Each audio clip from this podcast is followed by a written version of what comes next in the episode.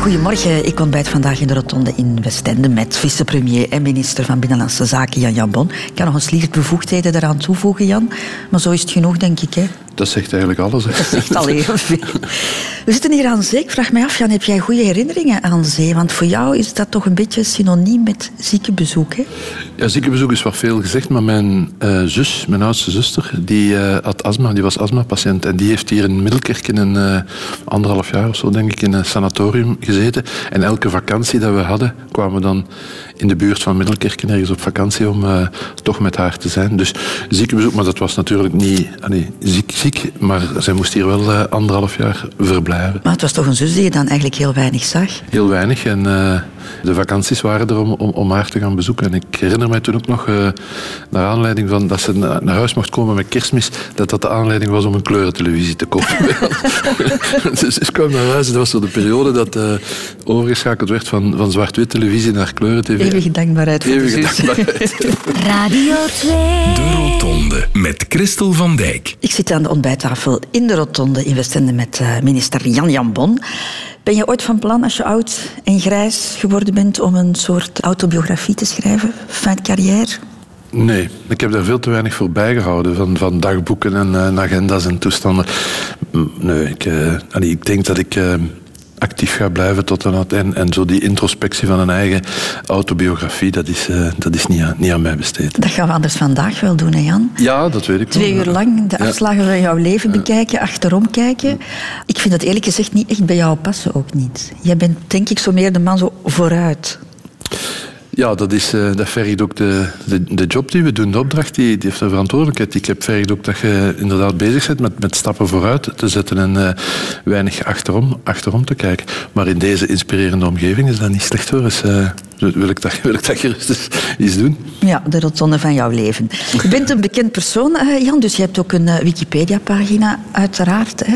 En daar staat onder meer dit op te lezen. Johan Jan Jambon, Genk 26 april 1960, is een Belgisch politicus voor de Sinds 2013 is hij burgemeester van Braschaat en sinds 11 oktober 2014 vicepremier en minister van Veiligheid en Binnenlandse Zaken, belast met de regie der gebouwen in de regering Michel. Hij is van oorsprong ondernemer. Voilà, dat is een stukje van jouw Wikipedia-pagina, maar het gaat allemaal over jou als publiek figuur. Um, je hebt ook een aantal jaren in de anonimiteit uh, geleefd. Hè. Je bent ook jong geweest, tiener geweest. En daar staat allemaal niks over te lezen. Dus daarom hebben wij Han Koek aan het werk gezet. En die heeft jouw Wikipedia-pagina vervolledigd. Jan Jambon, geboren op 26 april 1960 te Genk als oudste zoon van het zes kinderen tellende gezin Jambon. Zus Chris vertelt trots over haar grote broer. Jan werd geboren als donker en dan kwam op de berg als een spierwitte. Klein, tenger, mager manneke. Jan was een grote, ik zal niet zeggen een dikke, maar dat was toch een forse. En moeder Mart, die het allemaal van op de eerste rij meemaakte, staaft dit meteen met de naakte cijfers. Jan was een ferm manneke van 4 kilo. Giro-vriend Johan de Bruin gaat nog meer in detail. Hij was het toen al even lelijk als nu. Het is altijd wel een kop groter geweest als de rest. Die een buik is er inderdaad wel later bijgekomen. Maar naast de gebruikelijke vriendschappelijke steken onder water kan vriend Johan de Bruin ook zijn bewondering voor Jan niet wegsteken. Vrij sociaal, integer. Als hij en correct als hij voor iemand opkwam, dan deed hij dat ook. Joviaal ook naar zijn omgeving toe. Een joviale en ferme beer met een klein hartje. Zo kan mama Mart zich de kleine Jan ook het best herinneren. Maar een knuffel? Nee, dat heeft hij niet gehad, tenzij een knuffel van mij. Beer Jan stond in de familie ook wel bekend om zijn entertainmentkunsten, onthult zus Chris. Jan deed, deed vroeger als kind altijd toveren op familiefeesten. En mama Mart hoort de andere kinderen nog steeds roepen. Jan, en onkel Jan, tover nog eens, Jan, tover nog eens. Ah, zo, zo. En ook in de Giro liet Jan het niet na om zijn clownsneus op te zetten. Zo organiseerde hij ooit het wereldrecord pudding zitten, getuigt Girovriend Johan Max. Dus we hadden twee grote baden geïnstalleerd, uh, vol met pudding. En dan zijn er twee leiders. Uh, ja, pak uh, voor, voor 48 uur moesten dan wakker blijven zijn die in de pudding gaan zitten. Hè. En dat heeft Jan naderhand nog de studentenclub uh, nog eens herhaald. Maar naast de vrolijke puddingclown was Jan vooral een geboren leider. In de Giro was hij een geliefd jeugdleider en later liet hij zich ook opvallen aan de universiteit als prezes van de wetenschappelijke kring. En daar groeide ook zijn Vlaamse overtuiging, weet mama Mart. Bij de opening van het academiejaar heeft hij ook gesproken namens studenten. En eh, daar heeft hij ja, ook gezegd dus eh, een echte Vlaming te zijn. Hm? Eh, ook daar wist hij wel veel te vertellen wat een Vlaming eigenlijk was. Dus dat kwam er altijd stevig uit. Ja, ja. Die Vlaamse overtuiging is zelfs uitgegroeid tot een familiale splijtswam, lacht zus Chris. Jan, ik, ik ben Jan Jan Bon. Maar wij zeggen bijna allemaal Jambon. De Vlaamse wortel zat er diep in bij Jan. En ondanks de vele omzwervingen in het bedrijfsleven belandde hij in 2007 op de schepenzetel in Braschaat. En de rest is history. Van je vrienden moet je het hebben. Ja, dat is de typische stijl, denk ik. Eh, moesten ze hetzelfde over hun aan mij vragen, zou ik in dezelfde, Ja. in dezelfde stijl gaan antwoorden. Ja, ja. Zeg maar, je hebt je naam echt veranderd, Jan. Dat, is, ja, dat is eigenlijk gekomen aan de, aan de VUB. Ja, werd ik ook als, als, als Vlaamsgezind eh, bekend. En begon met mij een beetje als geuzennaam dat op zijn Vlaams uit te spreken. Ja, Jan Bon in plaats van Jean Bon. En dat is eigenlijk heel de studentenperiode door. En ik heb dat daarna doorgezet. eh. en dat is inderdaad, in Genk spreken ze van Jean Bon. Soms op zijn Limburgs, Jean Bon. en en, eh, en ja, ik eh, ben dat eigenlijk... Van, van de VUB heb ik dat meegenomen. Mhm. En een speelvogel, dat onthoud ik ook, uit wat ik gehoord heb.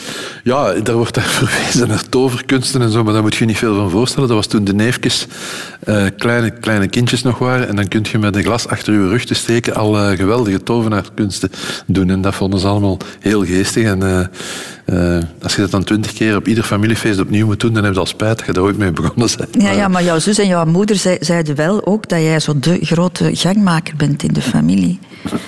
Ja, maar dat herken ik. Dat, allee, ik vraag me af van, van, waar dat, van waar dat, dat komt. Ik eh, denk dat ik op familiefeesten en bij familiebijeenkomsten ook wel mijn, mijn inbreng heb. Maar om nu te zeggen dat daar de grote, de grote ambiancemaker of de grote, de grote gangmaker is, dat, allee, dat, is, dat is nieuw voor mij. Dat dat, zo, dat, dat zo neergezet wordt. Ja, Jan Bon, de eerste afslag in het leven is eh, geboren worden. En vooral eh, geboren worden in een bepaalde wieg. En daar moet je een beetje geluk in hebben. Hè?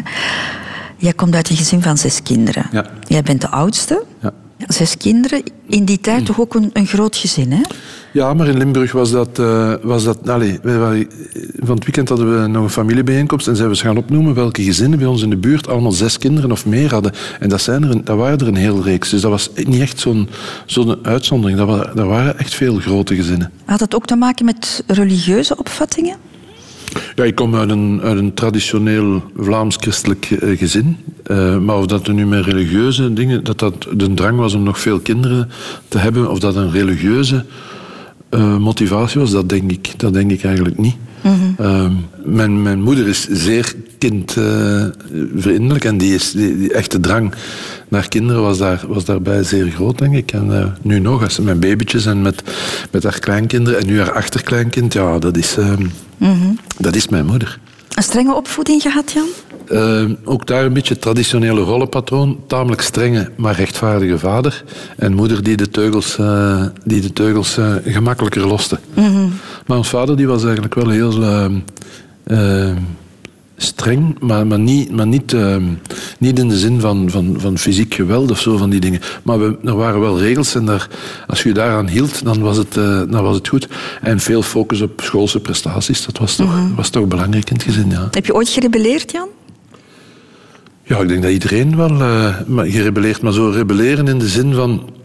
Ik herinner me, ja, wij woonden vlak bij het school, dus middags gingen wij nog naar huis om te eten. En eh, dat je dan heel dikwijls aan tafel stevige discussies had met u, met u, vooral met ons vader, over, dat kon ook politieke thema's zijn, maar dat kon ook maatschappelijke thema's of, of, of wijze van, van opvoeding of weet ik veel wat. Dat je heel zwaar discuteerde met uw vader en het absoluut niet eens was, maar daarna terug naar school ging en misschien op de speelplaats over hetzelfde thema zijn stellingen dan, eh, dan innam. Dus het was zo rebelleren om dan de goede argumenten te krijgen om... eh, Ja. Ja. Maar eigenlijk was jij een brave jongen. Jij, jij, jij volgde trouw en, en braaf het pad van dat vader en moeder uitstippelden. Ja, in die, in die zin eh, was, was er geen rebellie van, van, eh, van te zeggen van ik, ik, ik stap het hier af of ik ben totaal niet, niet eens of ik kom continu in conflict Geen met mijn ouders. Nee, toch niet. Toch niet, nee.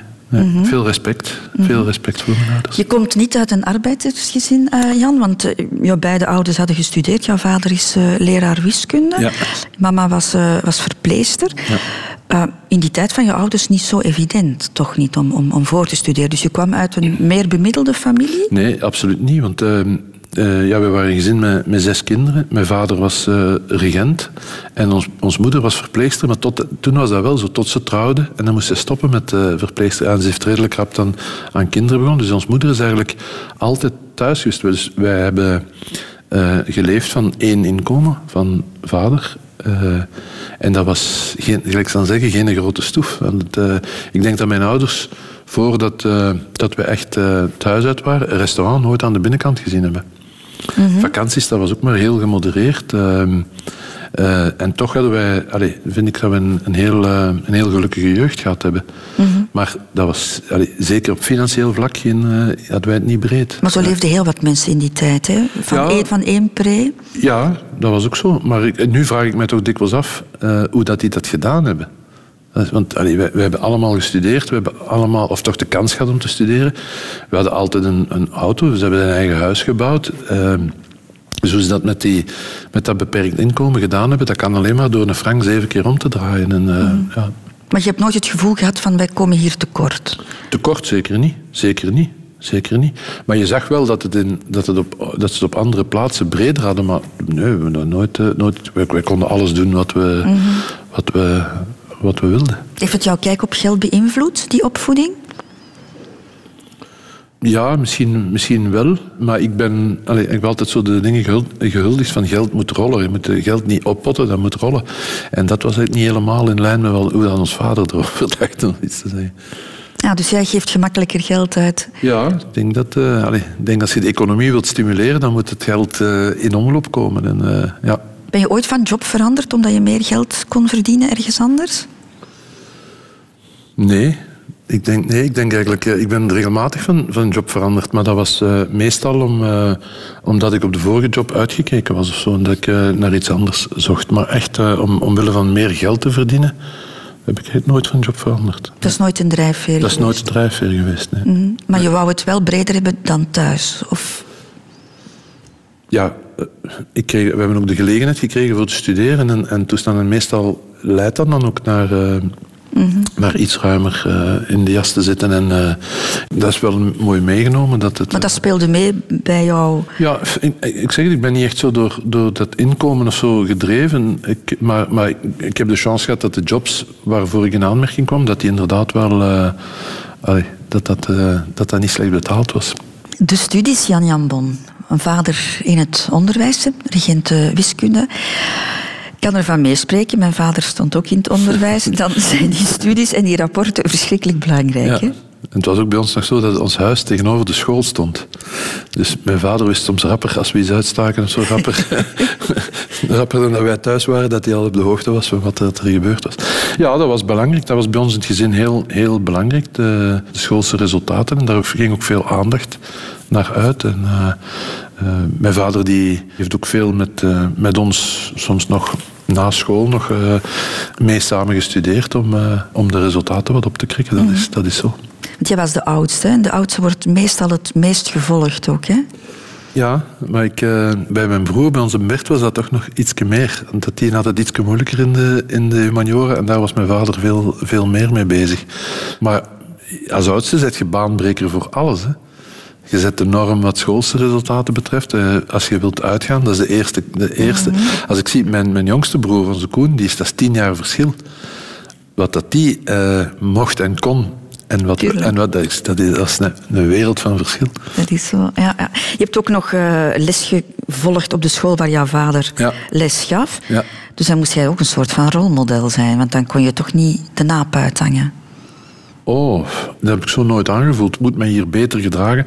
Maar je, je wist wel dat uh, als, er, als, er, iets mispeuterd werd, dat het rap, uh, dat het rap bij, bij mijn vader zou zijn. Mm. En dan ga je na de middelbare school naar de universiteit. Hè?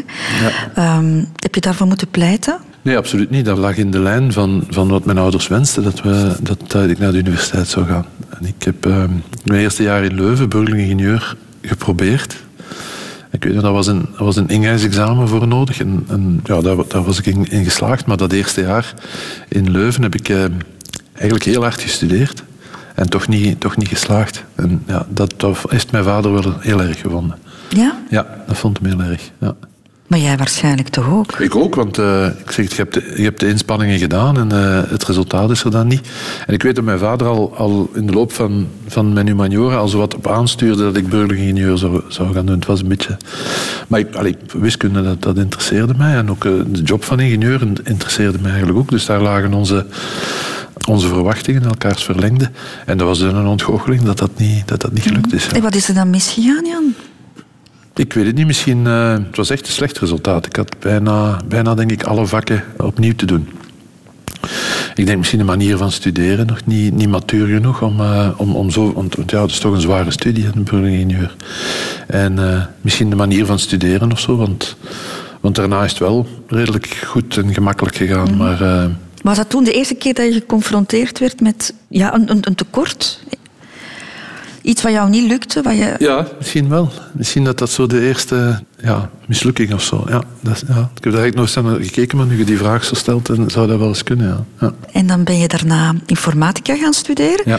Een van de eerste lichting dan toch? Dat was, ja, en dat is ook de reden waarom ik naar de VUB toen gegaan ben. Bij toeval kwam er thuis een brochure binnen van dat er aan de VUB dat je informatica kon gaan studeren daar als uh, onafhankelijke richting. Dus niet afhankelijk van ingenieurs of economie. Dat was echt een onafhankelijke licentie informatica. En ik ben dat dan gaan doen, ja. En dat ging dan allemaal wel vlot? Dat ging redelijk vlot. Veel tijd voor nevenactiviteiten.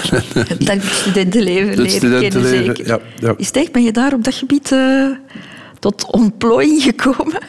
Ja, maar allee, dat, gecombineerd met die studies van informatica ging dat wel beter, denk ik, dan als ik burgeringenieur was gaan verder doen. Maar eigenlijk heb je dat niet graag gedaan, hè? Het is te zeggen, ik zou het vandaag niet meer opnieuw doen, informatica. Het was, het was nogal eigenlijk een zeer enge enge richting. Het heeft wel uh, heel gemakkelijk daarna naar een job geleid. Hè. Dus dat was, uh, dat was wel het voordeel. Want ja, ze kwamen ons al, bij wijze van spreken, van de schoolbanken plukken voordat we, voordat we afgestudeerd waren. En ben je afgestudeerd met uitmuntende punten? Absoluut niet. Absoluut niet. hakken over de sloot? Het was iedere keer uh, mikken om hakken over de sloot te geraken. Ik zeg, de nevenactiviteiten waren dermate dat het was altijd goed, goed mikken om uh, met de hakken over de sloot door te gaan. Dus ambitieus op dat gebied was je niet? Nee, niet echt. Nee. Dan ben je dan later in je job wel geworden? Ja, ik, uh, ja dus ik ben, ik ben dan uh, ja, als licentiaat informatica bij IBM begonnen. De, de grote firma eigenlijk voor, voor informatici. En ja, dat was wel, daar heb ik heel veel geleerd. En dan op je veertigste begin je het opnieuw te studeren, Jan? Ja, een MBA gaan doen uh, in Antwerpen. En dat is MBA? Master, master in Business. Business Administration. Dat is eigenlijk een, uh, ja, voor, voor, voor bedrijfsleiding. En, uh, dat was iets dat ik al lang, al lang eigenlijk wou doen. En uh, met mijn toenmalige werkgever heb ik daar een, een, regeling over kunnen treffen dat we dat, dat we dat konden doen. Dat was zeer, zeer, zeer interessant. En hoe waren de punten? Die waren daar zeer goed.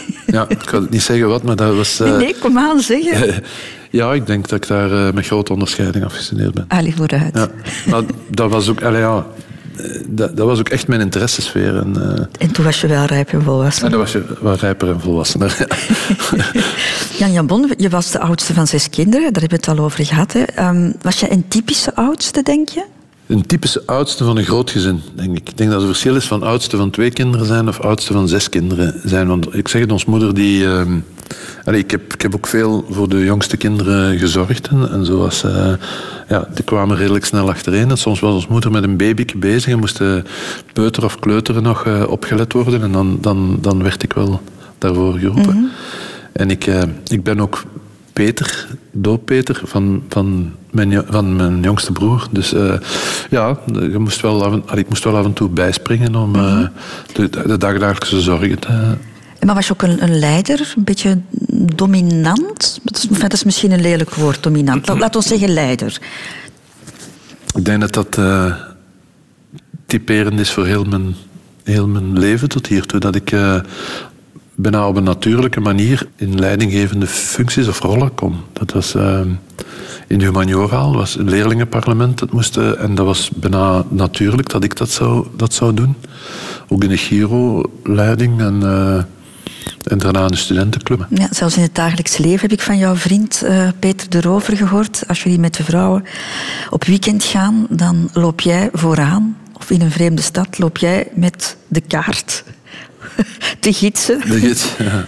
Ja dat, dat, ook dat is weer zoiets dat ik nu hoor van anderen, dat ik mijzelf niet zo rekenschap van geef. Maar nu je dat zegt, is dat, is dat misschien wel waar. Ja. Ja, ja. Want in die Giro ook is heel belangrijk geweest, hè? In, in, in heel jouw jonge jaren. Hè?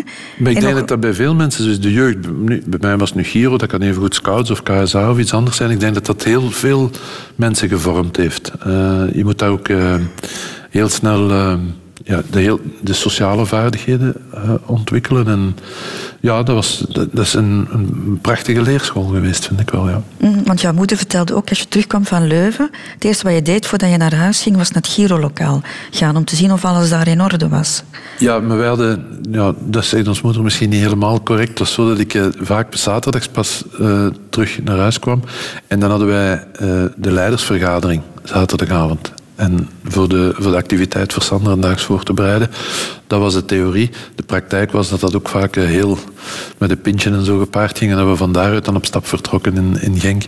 En het Girolokaal was ook bij ons tegenover. Dus je ziet, ik werd eigenlijk gecontroleerd. De school vlak tegenover, het Girolokaal vlak tegenover. En de voetbalclub waar ik in speelde, die was ook een paar, paar honderd meter verder. Dus dat speelde zich allemaal dicht bijeen af. Ehm, maar dan inderdaad, we gingen heel rap naar die, naar die leiders, leidersvergadering toe. Ja. En je zit daar dan al snel in de hoofdleiding. Ja, maar echt hoofdleider zelf ben ik nooit, ben ik nooit geweest. Omdat ik eh, dan op kot zat en zo, dan was, dat, allee, dan was dat eigenlijk toch wel moeilijk om dat, om dat te combineren. Maar je ging dan wel naar de leidingscursussen van de Giro. Ja. En daar maak je dan van je oren, Jan. Ja, dat weet je ook al. ja, wij- ja, dat was zo de periode dat men, eh, ja, dat de, de, de jeugdbewegingen zo wat eh, aan het, eh, ja, de progressieve toer op gingen. En afstand namen van, van waarden die ik, eh, die ik belangrijk vond. Onder andere de, eh, de Vlaamsgezindheid en zo. En Je vond het te modern worden. En dat voor een jonge gast? ja, ik vond het te, te, te modern, maar ik, bedoel, ik vond dat men afstand nam van een aantal waarden waarvoor dat, waarvoor dat Giro wel, wel stond. Katholiek en Vlaams. Katholiek en Vlaams, ja. ja. En bon, dat mag evolueren, maar ineens probeerde men zo eh, ja, echt eh, geen evolutie, maar een revolutie eh, door te voeren. En, en ja, dat waren dingen, ik vond dat men dat toch een beetje, een beetje gematigder moest doen. Ja, zoals het uniform, dat moest ook blijven. Hè? Eh, dat, was, ja, dat, was, dat was een van die dingen dat wij nieuw lichterij vonden. Zo, eh, met, met de jeansbroekjes en met de, met de flauw hemdje en zo aan. En, eh, dat uniform had ook, zo waren we ook opgevoed. Bedoel, opgevoed niet door mijn ouders, maar in de, in de Giro, dat uniform had een betekenis. Dat hemd, die das, die, die broek, daar zat, zat een betekenis achter. En men gooide dat allemaal zomaar ineens over, overhoop. En wij waren het daar niet mee eens. Ben jij zo traditioneel ingesteld, Jan? Ik vind toch dat je, niet, dat je met, met waarden voorzichtig moet omgaan. Ja. Dat je dat niet zomaar allemaal overboord kan gooien. En natuurlijk, jeugdig, dan ben je daar iets, misschien iets wat eh, rebelser in dan, eh, dan ik dat nu misschien zou doen. Maar ik vind toch dat je op, moet opletten met te gauw overboord te gooien wat, eh, wat, zijn, wat zijn waarde bewezen heeft. Ja. Ja. Heb jij in, altijd zo dat je graag hebt dat de dingen blijven zoals ze zijn? Oh nee, want, nee, want dat is, eh, in het bedrijfsleven heb ik heel veel grote veranderingsprojecten gedaan. Dus dat, is, dat, dat bedoel ik niet. Er is een groot verschil tussen waarden die je, die je meetrekt of de manier waarop dat je een aantal dingen doet. Want de, de, de tijden evolueren natuurlijk en je moet, je moet daarin mee. En dat is ook goed dat dat evolueert. Maar ik maak een verschil tussen waarden en, en, en dan de manier waarop je daarmee omgaat en, en, en toestanden. De keuze voor de politiek. Jan Jan Bon, je komt uit een politiek geëngageerde familie. Ja, maar ik heb dat maar later ontdekt, want men hield dat wat verborgen. Ook weer daar de focus op de studie. En, en men, dacht wel, als je te, te gauw in die, in die politiek en zo terechtkomt, dan gaat dat de, de studies schaden. Achteraf heb ik wel vernomen eh, dat mijn vader ook mee aan de wieg stond van de Volksunie in, eh, in Genk. En mijn grootvader, die ook thuis is komen wonen op een bepaald moment, dat was eh, een oud strijder van aan, van aan de IJzer. En dus die bracht wel, eh, ik zal zeggen, de, de, de wij, het blad van de, van de Volksunie en zo, in huis. En daar ben ik toen in beginnen lezen. En dat heeft eigenlijk mijn, mijn Vlaams gezindheid, denk ik, eh, geactiveerd. En jouw grootvader is die flamingant geworden in die loopgraaf? Ja, Ja, die is daar als flamingant van teruggekomen. Ja. De traditionele verhaal, bevolen worden door Franstalige officieren en, uh, en, en daar uh, ja, ook het rebelse naar boven gekomen, zich daarvan gaan afzetten. En daar, die, is, die is Vlaamsgezind ervan teruggekomen. Ja. Mm -hmm. Heb je er veel over gepraat met jouw grootvader? Ja, want, en daarom was ik ook een beetje zijn oogappel, denk ik. Uh, dat ik uh, inderdaad uit de Vlaamsgezindheid in mij heeft kunnen, kunnen activeren en opwekken. Ik heb daar veel met hem over gepraat, ja. Maar jouw ouders wilden jou daar buiten houden. Dus. Zeker in die periode van, van, van studies en zo. Dat, allee, dat was, bij ons was nogal heel veel focus. En men had schrik dat ik mij daar te fel in zou gaan engageren. Wat later aan de niveau gebeurd is. Ik, uh, als ik daar straks zei dat de studieresultaten niet zo goed waren, was dat te maken met studentenleven, maar ook met politieke, eerste politieke activiteit. Dus aan de universiteit, Jan, word jij dan echt politiek actief? Ja, ik ben dan uh, daar in de, in de Volksjongeren. Die waren ook tamelijk actief, een sterke kern aan, aan de VUB. En daar, daar heb ik me toen ook in geëngageerd. Ja. Toen was je niet meer te houden?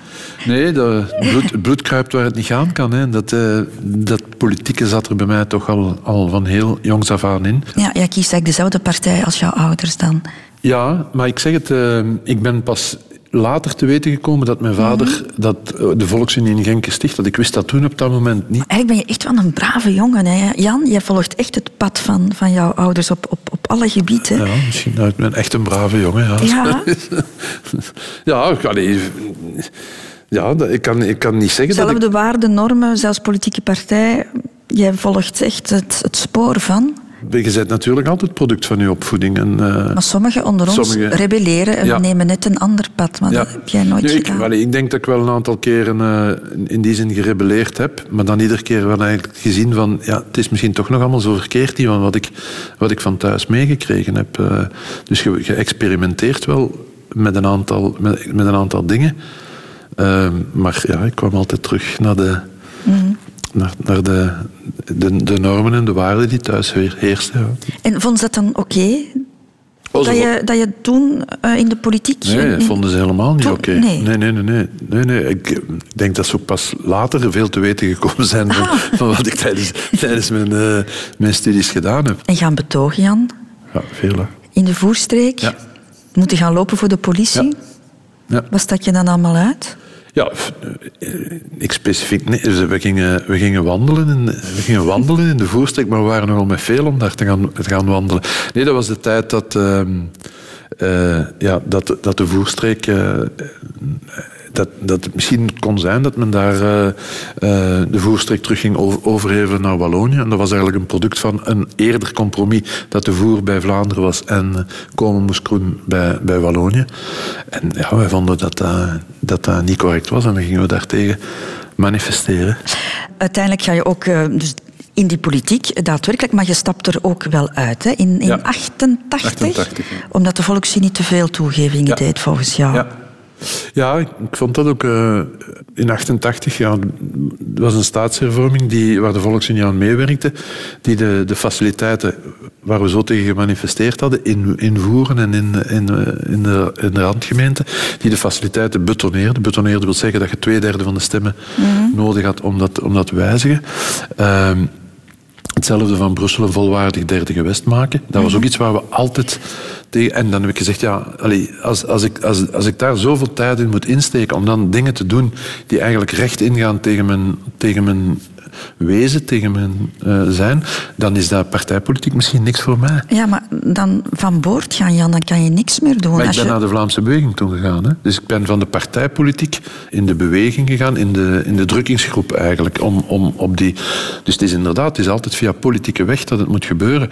Maar um, er is een verschil tussen, denk ik, zeggen van ik ga mee die, die verkeerde beslissingen verdedigen. Want als je in een partij zit, dat zijn ijzeren logica's. Als je in een partij zit die iets doet, dan moet je dat ook op een of andere manier kunnen verdedigen. En als je dat niet meer kunt verdedigen, met je eigen geweten, in, uh, in overeenstemming brengen, ja, dan, dan denk ik dat je, moet, uh, dat, je dat moet, moet uitstappen. Maar je kan ook van binnenuit knokken en, en proberen dingen te Ja, veranderen. dat hebben we ook, dat hebben we ook een, een aantal jaren gedaan. Maar, maar allee, dat was zo contraproductief. Uh, dat ik, dat ik op een bepaald moment gezegd heb: ja, dit is toch niks, uh, blijkbaar niks voor mij. Toch voor even niet, want je komt wel terug daarna. Toch voor een paar jaar niet. Hè? Maar daar zullen we het uh, Ja. na negen uur over hebben. De grootste familie, Radio 2. Jan-Jan Bon, je hebt een hele carrière in het bedrijfsleven gehad. Hè? Uh, SD Works, Schrijfs, IBM, Bankcard Company, hè? De, de, de, de visa-kaarten. Allemaal grote bedrijven, allemaal serieuze functies. Was jij daar gelukkig? Heel gelukkig. Dat was uh, eigenlijk een heel mooie periode. Uh, omdat je ja, dingen kunt realiseren en... Uh, en, en, en, veranderingsprocessen kunt, kunt doorvoeren waarvan je achteraf zegt, het bedrijf is daar echt beter van geworden. Ja, dat gaf mij heel veel voldoening. Mm, de dingen die vooruit gaan. Ja, het moet vooruit gaan en, en, en het moet ook... Uh, het moet ook aangepast worden aan, aan, de, evoluerende, aan de evoluerende mogelijkheden. En uh, regelmatig moet je eens herdenken met wat zijn we, met, wat zijn we mhm. bezig. En kunnen we dat niet slimmer en beter en, en, en, efficiënter. En dat waren projecten die ze altijd in mijn richting mochten schuiven. Ja, je zat toen niet meer in de actieve politiek, wel in de Vlaamse volksbeweging. Had je toen het gevoel zo van die actieve politiek is totaal verleden tijd voor mij? Ja, het was een beetje raar. Had men aan, de, aan de universiteit tegen mij gezegd, als je veertig bent, dan zit je niet in de politiek. Had ik gezegd, dat is niet waar. Ik denk dat ik dan tot over mijn oren in de politiek zit. Dat was niet. Toen ik veertig was, had ze toen gezegd, als je vijftig bent, dan zet je tot over je oren in de partijpolitiek. Dan had ik ook gezegd, kom, we gaan een pintje drinken, want jij hebt het dringend nodig. Dat, dat ik ook, dus in die zin is me het traject heel logisch bij mij. Ehm, dus ik dacht toen inderdaad, in, met die Vlaamse beweging, dat partijpolitiek niks voor mij meer was. Het is eigenlijk bij het ontstaan van de NVA dat ik zei van... Ik ben ook heel snel lid geworden van de NVA. Ik was daarvoor geen, geen lid van, van van een politieke partij. Maar bij het ontstaan van de NVA ben ik heel, heel snel mhm. lid geworden. Je was 47 toen, hè? Ik ongeveer? Was, uh, ik denk, ik was 45. Want toen, we zijn in Braschaat met een afdeling begonnen in 2005. En toen was ik 45. Had je toen het gevoel, het is nu of nooit? Maar dat was zo niet. Dat is niet zo van, van ik moet en ik zal en ik wil grote mandaten. Het was eigenlijk eerder gezegd van nu is, er een, nu is er een partij die mij aanstaat, waarvan ik in geloof, waarin ik in de drijfveer van die partij geloof en ik wil dat mee ondersteunen. Maar je moest er toch wel een... Ja, je had een, een serieuze functie en je ging eigenlijk naar een onzeker bestaan. Ja, een zeer onzeker bestaan, want ik zeg het, N-VA was toen een heel kleine partij. Niemand kon vermoeden. Jullie flirten met de kiesdrempel ja, eh, In 2003 hebben we alleen in West-Vlaanderen de kiesdrempel gehaald. 2004 was dan al in kartel met de CD&V. En dan hadden we een paar zetels in het Vlaams parlement. Maar in het federaal parlement hadden we één, ene zetel. En ja, uh, toen moest ik dus keuzes maken. Want als ik en voor Braschaat ging en voor de Kamer, want dat was dan de bedoeling, ja, dan moest je afscheid nemen van, van het bedrijfsleven. En ik ben toen, ik was toen uh, algemeen directeur van Bankkaartcompagnie, uh, uitgevers van Visa en Mastercard. En onze, de vier grootbanken, de toenmalige grootbanken, want er zijn er ook al een paar die, die van de kaart verdwenen zijn, uh, die, dat waren mijn aandeelhouders. En ik ben daar toen mee gaan praten en, en zegt van kijk, uh, de kans biedt zich aan om in de politiek. Ah ja, maar dat is goed, dan moeten mensen uit het bedrijfsleven naar de politiek. Dus men vond dat allemaal wel goed. Ik zeg ja, maar is er een of andere parachute die je kan hebben, was het mislukt om, om terug te komen. Dat was totaal niet. Dus men was niet bereid voor garanties te geven dat je, dat je terugkomt. Maar dan moeten jou toch beloften gedaan zijn bij de partij? Want anders ga je toch niet in zo'n ja, onzeker uh, financieel avontuur stappen? Ik uh, belofte bij de partij. Het was zo dat we in, dat in Braschaat dat ik de tweede plaats op de lijst kreeg en dat we dan met, wel ongeveer zeker waren dat, we, dat ik schepen ging worden. En uh, ook voor de verkiezingen van, van 2007 ging ik lijst uh, eerst een opvolger staan, op de, uh, dus op de Kamerlijst. En op de, op de effectieve plaats stond Chris Peters als lijstduur. En dus dat was ook al geweten. Chris Peters zou toch minister-president in Vlaanderen blijven. Die zou niet gaan zetelen. En ik zou dan in de Kamer komen. Dus ik had ongeveer, ik moest, ik had ongeveer de meest zekere, het meest zekere perspectief om in, naar, die, naar die Kamer te gaan. Mhm. Dus in die zin was er wel, was er wel iets van, uh, van zekerheid ingebouwd. Maar ja... Heb je gerekend zo financieel wat het jou zou kosten? Nee, ik heb wel... Uh, nee, dat heb ik absoluut niet gedaan. Maar heeft het jou, heeft het jou geld gekost? Ja. Heb je moeten inboeten ja. financieel? Ja. Ja, nu, en nu nog altijd? Nee, nu niet meer. Nu, nu met deze functie is dat maar ook daar weer, allez, uh, als ik met mensen van de privé spreek die vergelijkbare verantwoordelijkheden hebben, als je dat, en als je dan je uren zou rekenen, ja, dan, mm dat mocht je allemaal niet doen. Want dat is, uh, maar goed, je doet niet aan politiek voor het geld. Dat is, dat, allez, dan, dan zijn er andere functies waar dat je veel meer, veel meer mm -hmm. uh, geld in, in, kan verdienen. Maar de beslissing heb ik toen uh, voor een groot stuk door mijn vrouw laten nemen. Dus uh, van gezegd van, allee, eh, ik heb je toen tegen haar gezegd, jij moet er 100% achter staan, want anders begin ik er niet aan. De liefde, Jan Jan Bon, zullen we het daar ook eens over hebben? Ga je gang. Wat voor beeld had jij zoals als, als jonge kerel van de liefde? Oeh, wat voor beeld had ik van, van de liefde? Uh, ik heb in mijn jonge jaren heel veel liefde gekend van mijn ouders. Dat was, uh, en ook in het gezin, de broers en zussen. Dus dat was natuurlijk een andere soort liefde dan mm wat jij... Ja, dan uh, bij iedereen begint dat op een bepaalde leeftijd. Begint je naar de, naar de meisjes te kijken en toestanden. De Giro was daar bij ons een, zeker en vast een... Uh, een grote visvijver. er zijn ook heel veel koppels uit ontstaan. uit, uit Giro. Het was toch gescheiden? Ja, maar we, in, ik, ik, had er straks sprak ik van die leidingsvergaderingen. Die waren, die waren dan gemengd en zo. Ja, vandaar bij de leiding. Ja, ja, ja, ja, Maar wanneer kwamen de meisjes in beeld bij jou? Hoe oud was je? Ja, in, in die periode. Hè, als ik denk, ja, 18, 19 jaar. Dus ook een beetje een laadbloeier dan? Op dat vlak wel, ja. ja. Had je veel succes bij de vrouw, bij de meisjes? Nee. Nee? Nee, denk het niet, nee. Nee, ik, ik, was daar eigenlijk ook minder mee, mee bezig, maar... Uh, ja, aan de Unie, als je dan prezes wordt en zo, ja, dat heeft wel een zekere, een zekere, een zekere appeal. Ja. maar... Uh, Mannen met macht of die, die iets te zeggen hebben. Die, ja, maar ja. macht is dan toch relatief. Ja, je staat wel op een verhoog, hè? Ja, ook, ook als, als, als, als, prezes. Ja. Um, heb jij op dat gebied, wat liefde en seksualiteit betreft, heb jij daar een, een, een vrije opvoeding in gehad? Nee. Kon daar over gepraat worden? Nee. Er kon over gepraat worden, maar, uh, maar, maar, heel, heel, heel... Dat was, dat was moeizaam, moeizaam om daarover te spreken. Met ons, met ons moeder gemakkelijker nog dan, dan, met, ons, dan met ons vader. Uh, Nee, dat hebben we allemaal zelf moeten ontdekken voor een groot gedeelte. Mochten de meisjes binnenkomen en blijven slapen en dat soort dingen? Nee, nee, nee absoluut niet. Binnenkomen wel, maar blijven slapen. En, en als ze bleven slapen, was het gescheiden kamers en, en toestanden. Nee, nee, dat was... Dat, dat, nee, dat, ja. En op een bepaald moment kom je dan Mieke tegen. Ja. Hoe oud was je toen? Ik denk, wacht, 22 eh, jaar. Ja, 22 jaar was. Ja. Dat was ook op een, uh, op een weekend van de Volksunie-jongeren. Daar moet je haar leren ja, kennen. Ja, ja, ja, ja, En bij haar ben je dan getrouwd? Ja. Want ik ben afgestudeerd in juli van 84. En 1 augustus bij IBM beginnen werken en 18 augustus getrouwd. Dus dan was je 24 of 24 zo? 24 jaar. En op een maand tijd is eigenlijk heel... Uh, krijgt heel je leven een andere wending. Ja, afstuderen, trouwen en werken. En werken. Ja, op, amai. Dat is wel veel. Ja, dat is op één maand tijd. Hè. Dat is, ja, ja. Je bent voor de kerk getrouwd? Ja. Was dat een bewuste keuze? Ja.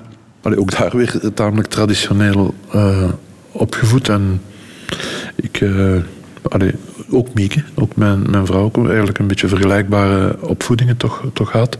En ja, wij vonden dat uh, mm dat, dat wel zin had. Mm -hmm.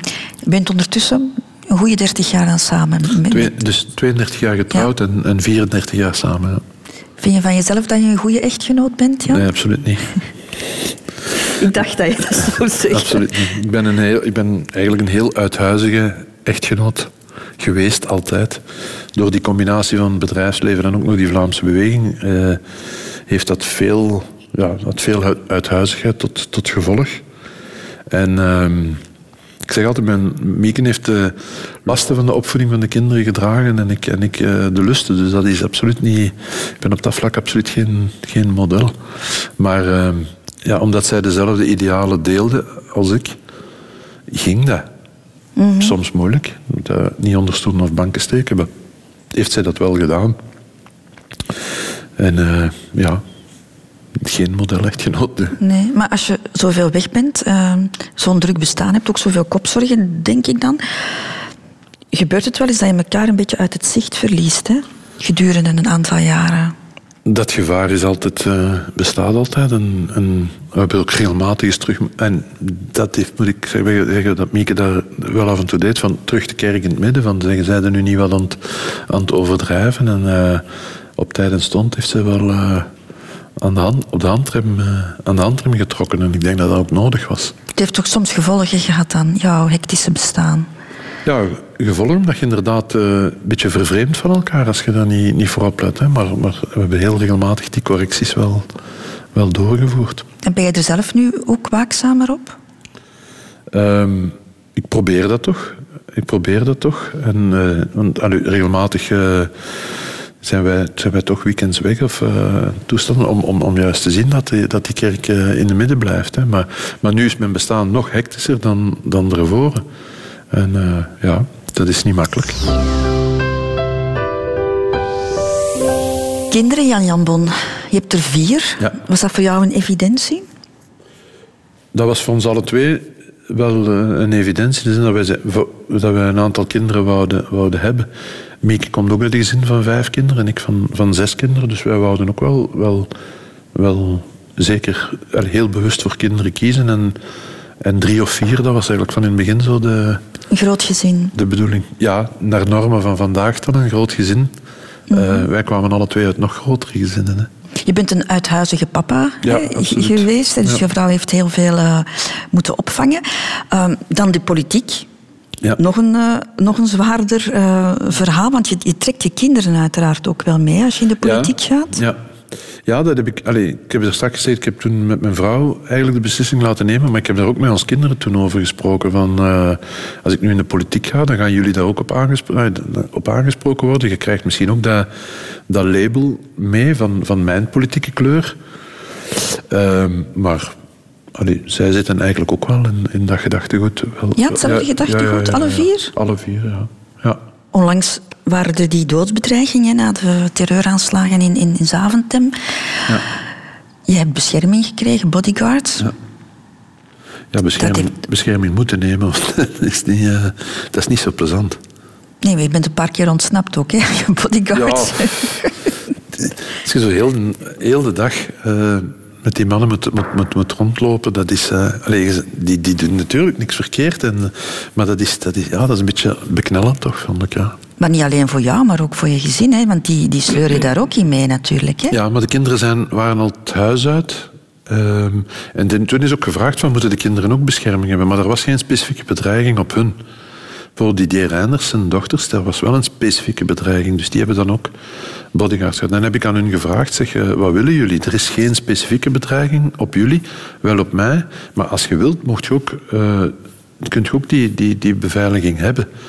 Maar dat, dat wilden ze niet. Nee. Maar heeft dat een impact gehad op het gezin? Dat denk ik niet.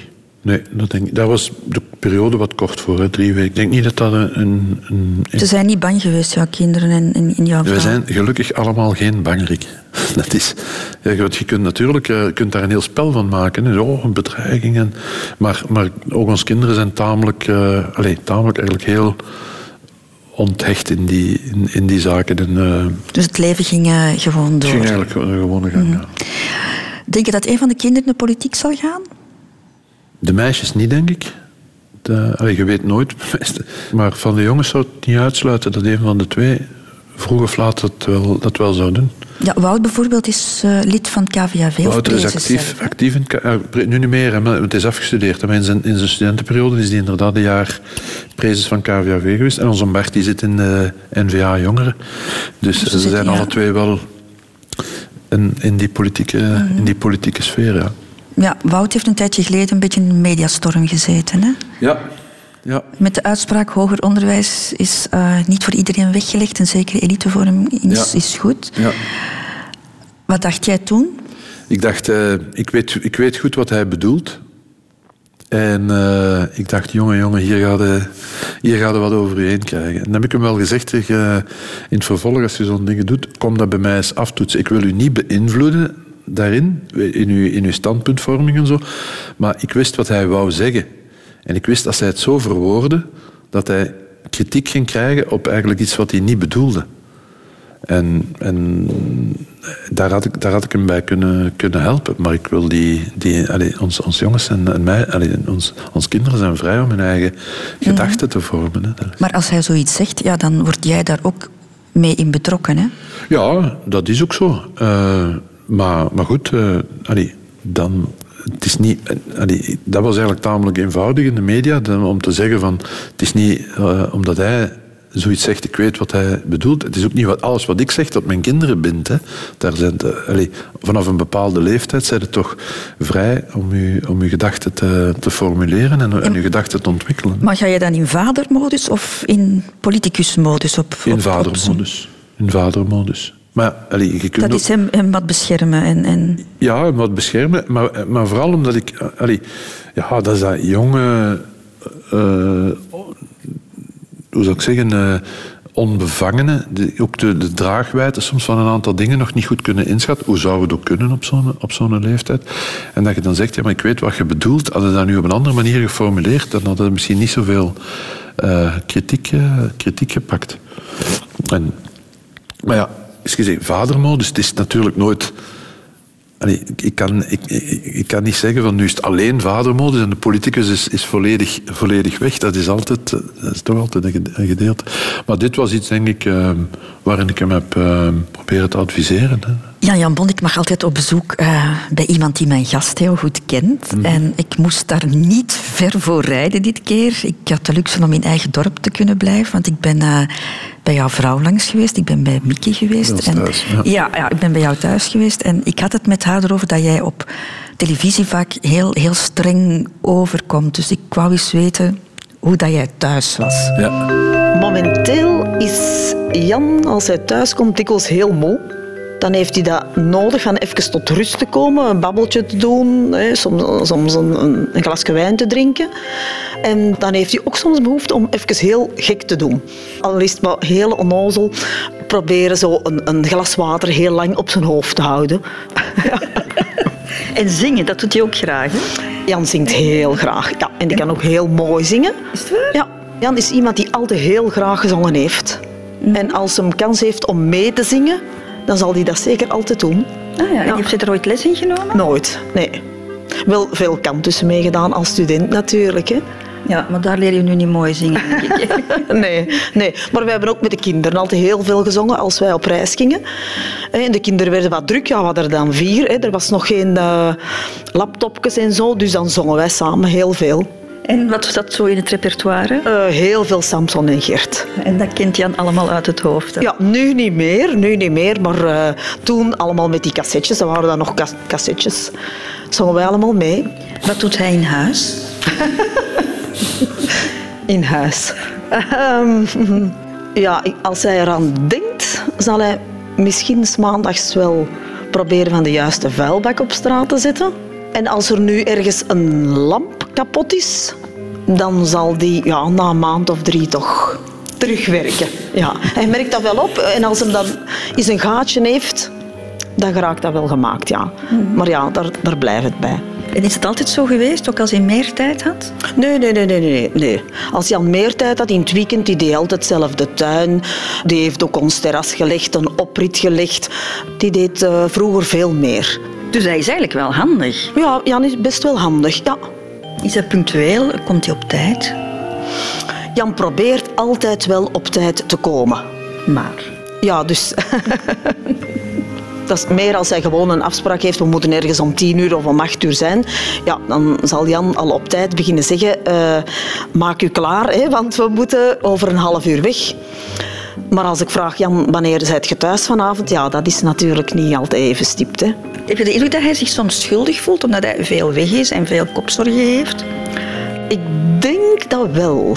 Hij zal dat niet zo uitspreken. Soms kan hij zo zeggen van, ja, maar het is toch ook niet gemakkelijk voor u. Maar ja, dat is een ding. En, en daar gaat hem voor blijven gaan, dat weet ik. Schuldig of niet.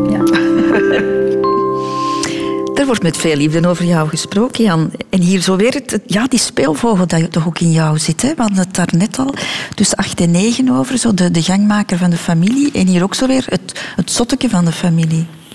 Ja, maar ik denk dat dat, eh, hoe zou ik zeggen, de, de ontsp allee, ontspanning is een te zwak woord, maar zo als, als, als de spanning van je afvalt en dat je dan, ja, wat dan onze dingen doet, ja. Ben je ook zo met die kleinzoon? Want je hebt eh, ondertussen een eerste kleinkind, hè, Ja, Felix? dat is fantastisch, hè. Het is een fantastisch wonder, hè, dat, dat, je, dat je nu ziet, dat is niet meer uw klein, maar, de, maar de, de, het zoontje van uw, van uw dochter. Dat is een, een fantastische ervaring. Maar hij is nog wat te klein om er al veel zot mee te spelen. Maar ik kijk er echt wel naar uit, naar de, de momenten dat hij eh, al wat kan kruipen en dat je daar al echt mee kunt, kunt spelen. En nu is nog, was dan zeggen, een plat boeletje. Ja. Heb je daar alles voor in de steek gelaten om meteen naar het ziekenhuis te kunnen gaan? Toen hij geboren werd? Ja, ja, ja. ja. ja dat, ehm, dat wel. Dat was... eh, ik denk dat ik daar... eh, dat ik de regering, dat we toen met de regering bijeen zaten. En dat ik daar, eh, zo was ja. En dat ik daar dan gezegd heb, ja, hij is, hij is ge- geboren, ik, ik ben nu weg, ik ga, ik ga naar het moederhuis, ja. ja. Heb je alles voor laten vallen? Daar heb ik alles voor laten vallen. Ja. Dat was ook een uniek moment. De allerlaatste afslag van het leven, Jan. Daar zijn we al beland. Ehm, en dat is doodgaan, hè? Ja. Lig jij daar wakker van? Nee, nee ik ben daar eh, eigenlijk heel, heel weinig mee bezig. Omdat ik hoop dat het ook nog ver van- hier verwijderd is. Maar ik ben er eigenlijk met, met, met de dood en zo als, als dusdanig voor mijn eigen heel weinig mee bezig.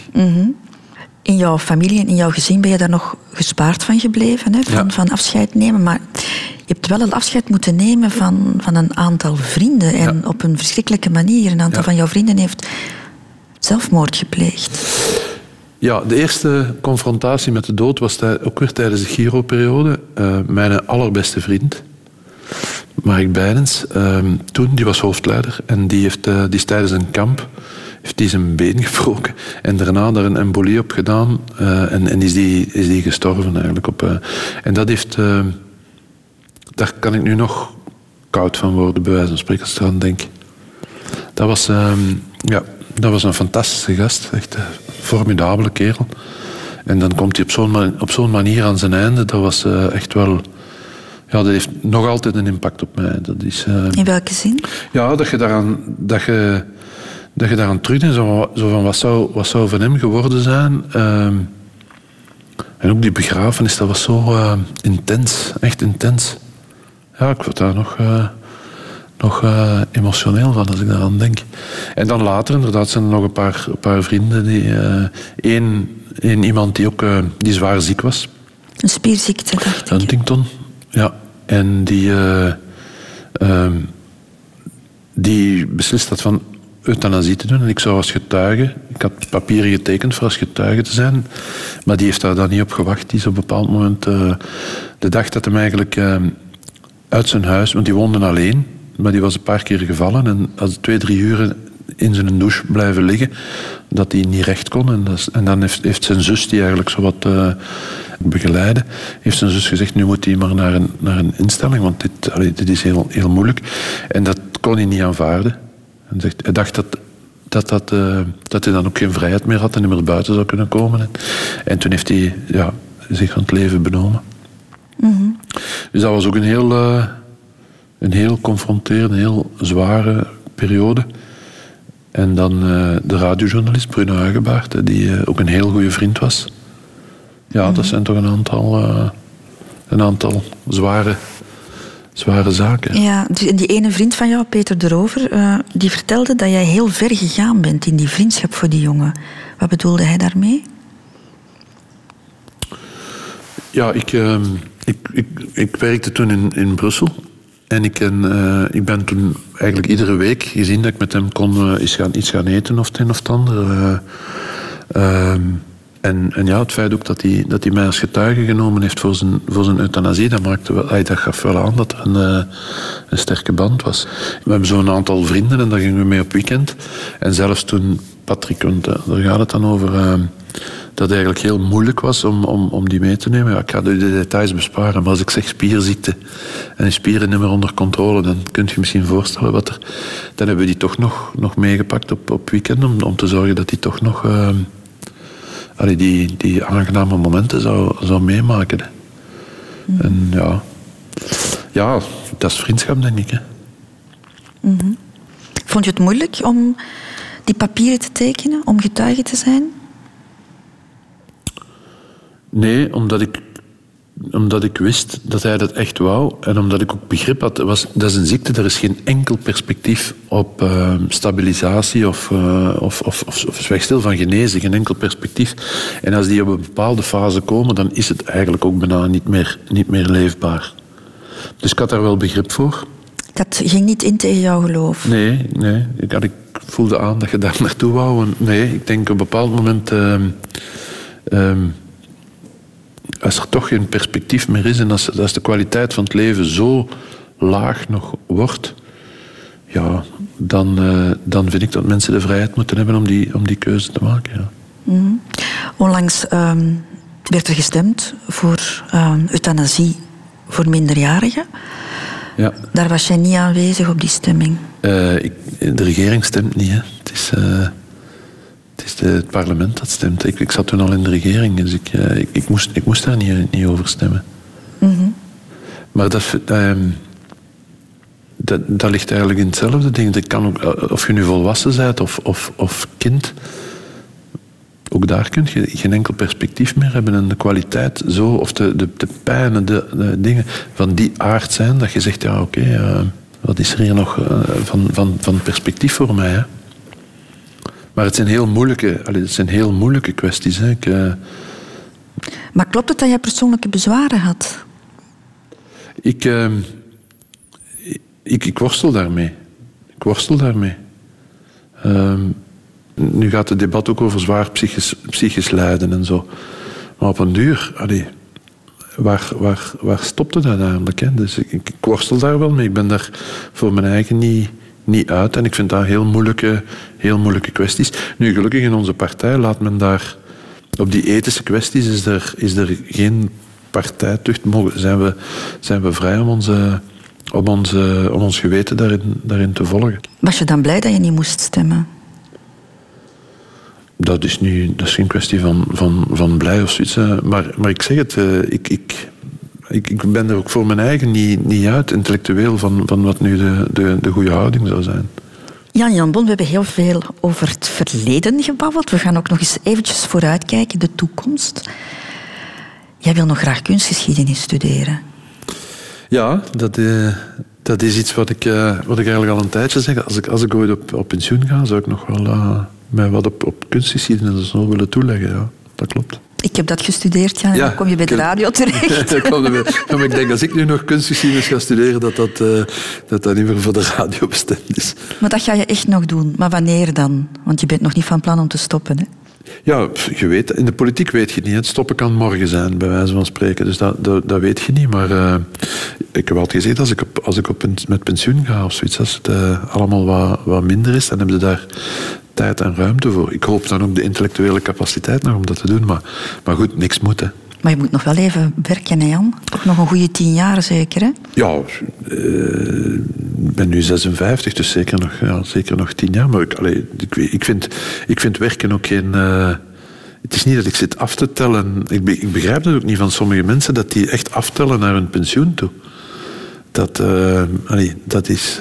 Ik, ik, ik heb tot nu toe bijna altijd jobs gedaan die ik heel graag deed. ehm, waarin ik mij kon uitleven, waar ik mij, mij kon in ontplooien. En ehm, dat, allee, ik, vind dat niet, eh, ik vind dat niet erg om te werken, in tegendeel. Nee, maar de ene job is boeiender dan de andere, hè, absoluut, Jan. Zo, zo simpel is het toch wel, hè? Absoluut, Ja. dat is zo. Dat is absoluut zo. Ik vond het heel fijn praten met jou, Jan. Ik vond het ook heel was ja, je ander moest, soort je moest soms eens nadenken. Ja. Zag ik zo de liefde en zo en, en, en de persoonlijke dingen. Dat Ja. vond je precies allemaal wel een beetje moeilijk. Hè? Ja, dat is wat anders. Hè. Ja, het is geen ter zake. Het is geen ter zake geen geen zevende dag, maar je hebt het goed gedaan. Oké, dank u wel. dank u, jij ook. Ehm, wil je nog iets in mijn gastenboek schrijven? Dat wil ik heel graag doen. Ja. Beste Christel, als politicus ben ik wel gewend aan interviews, maar zo'n retrospectie op je eigen leven met voor je de wijdheid van de zee is toch een speciale ervaring. Dank voor deze unieke beleving, Jan Bon.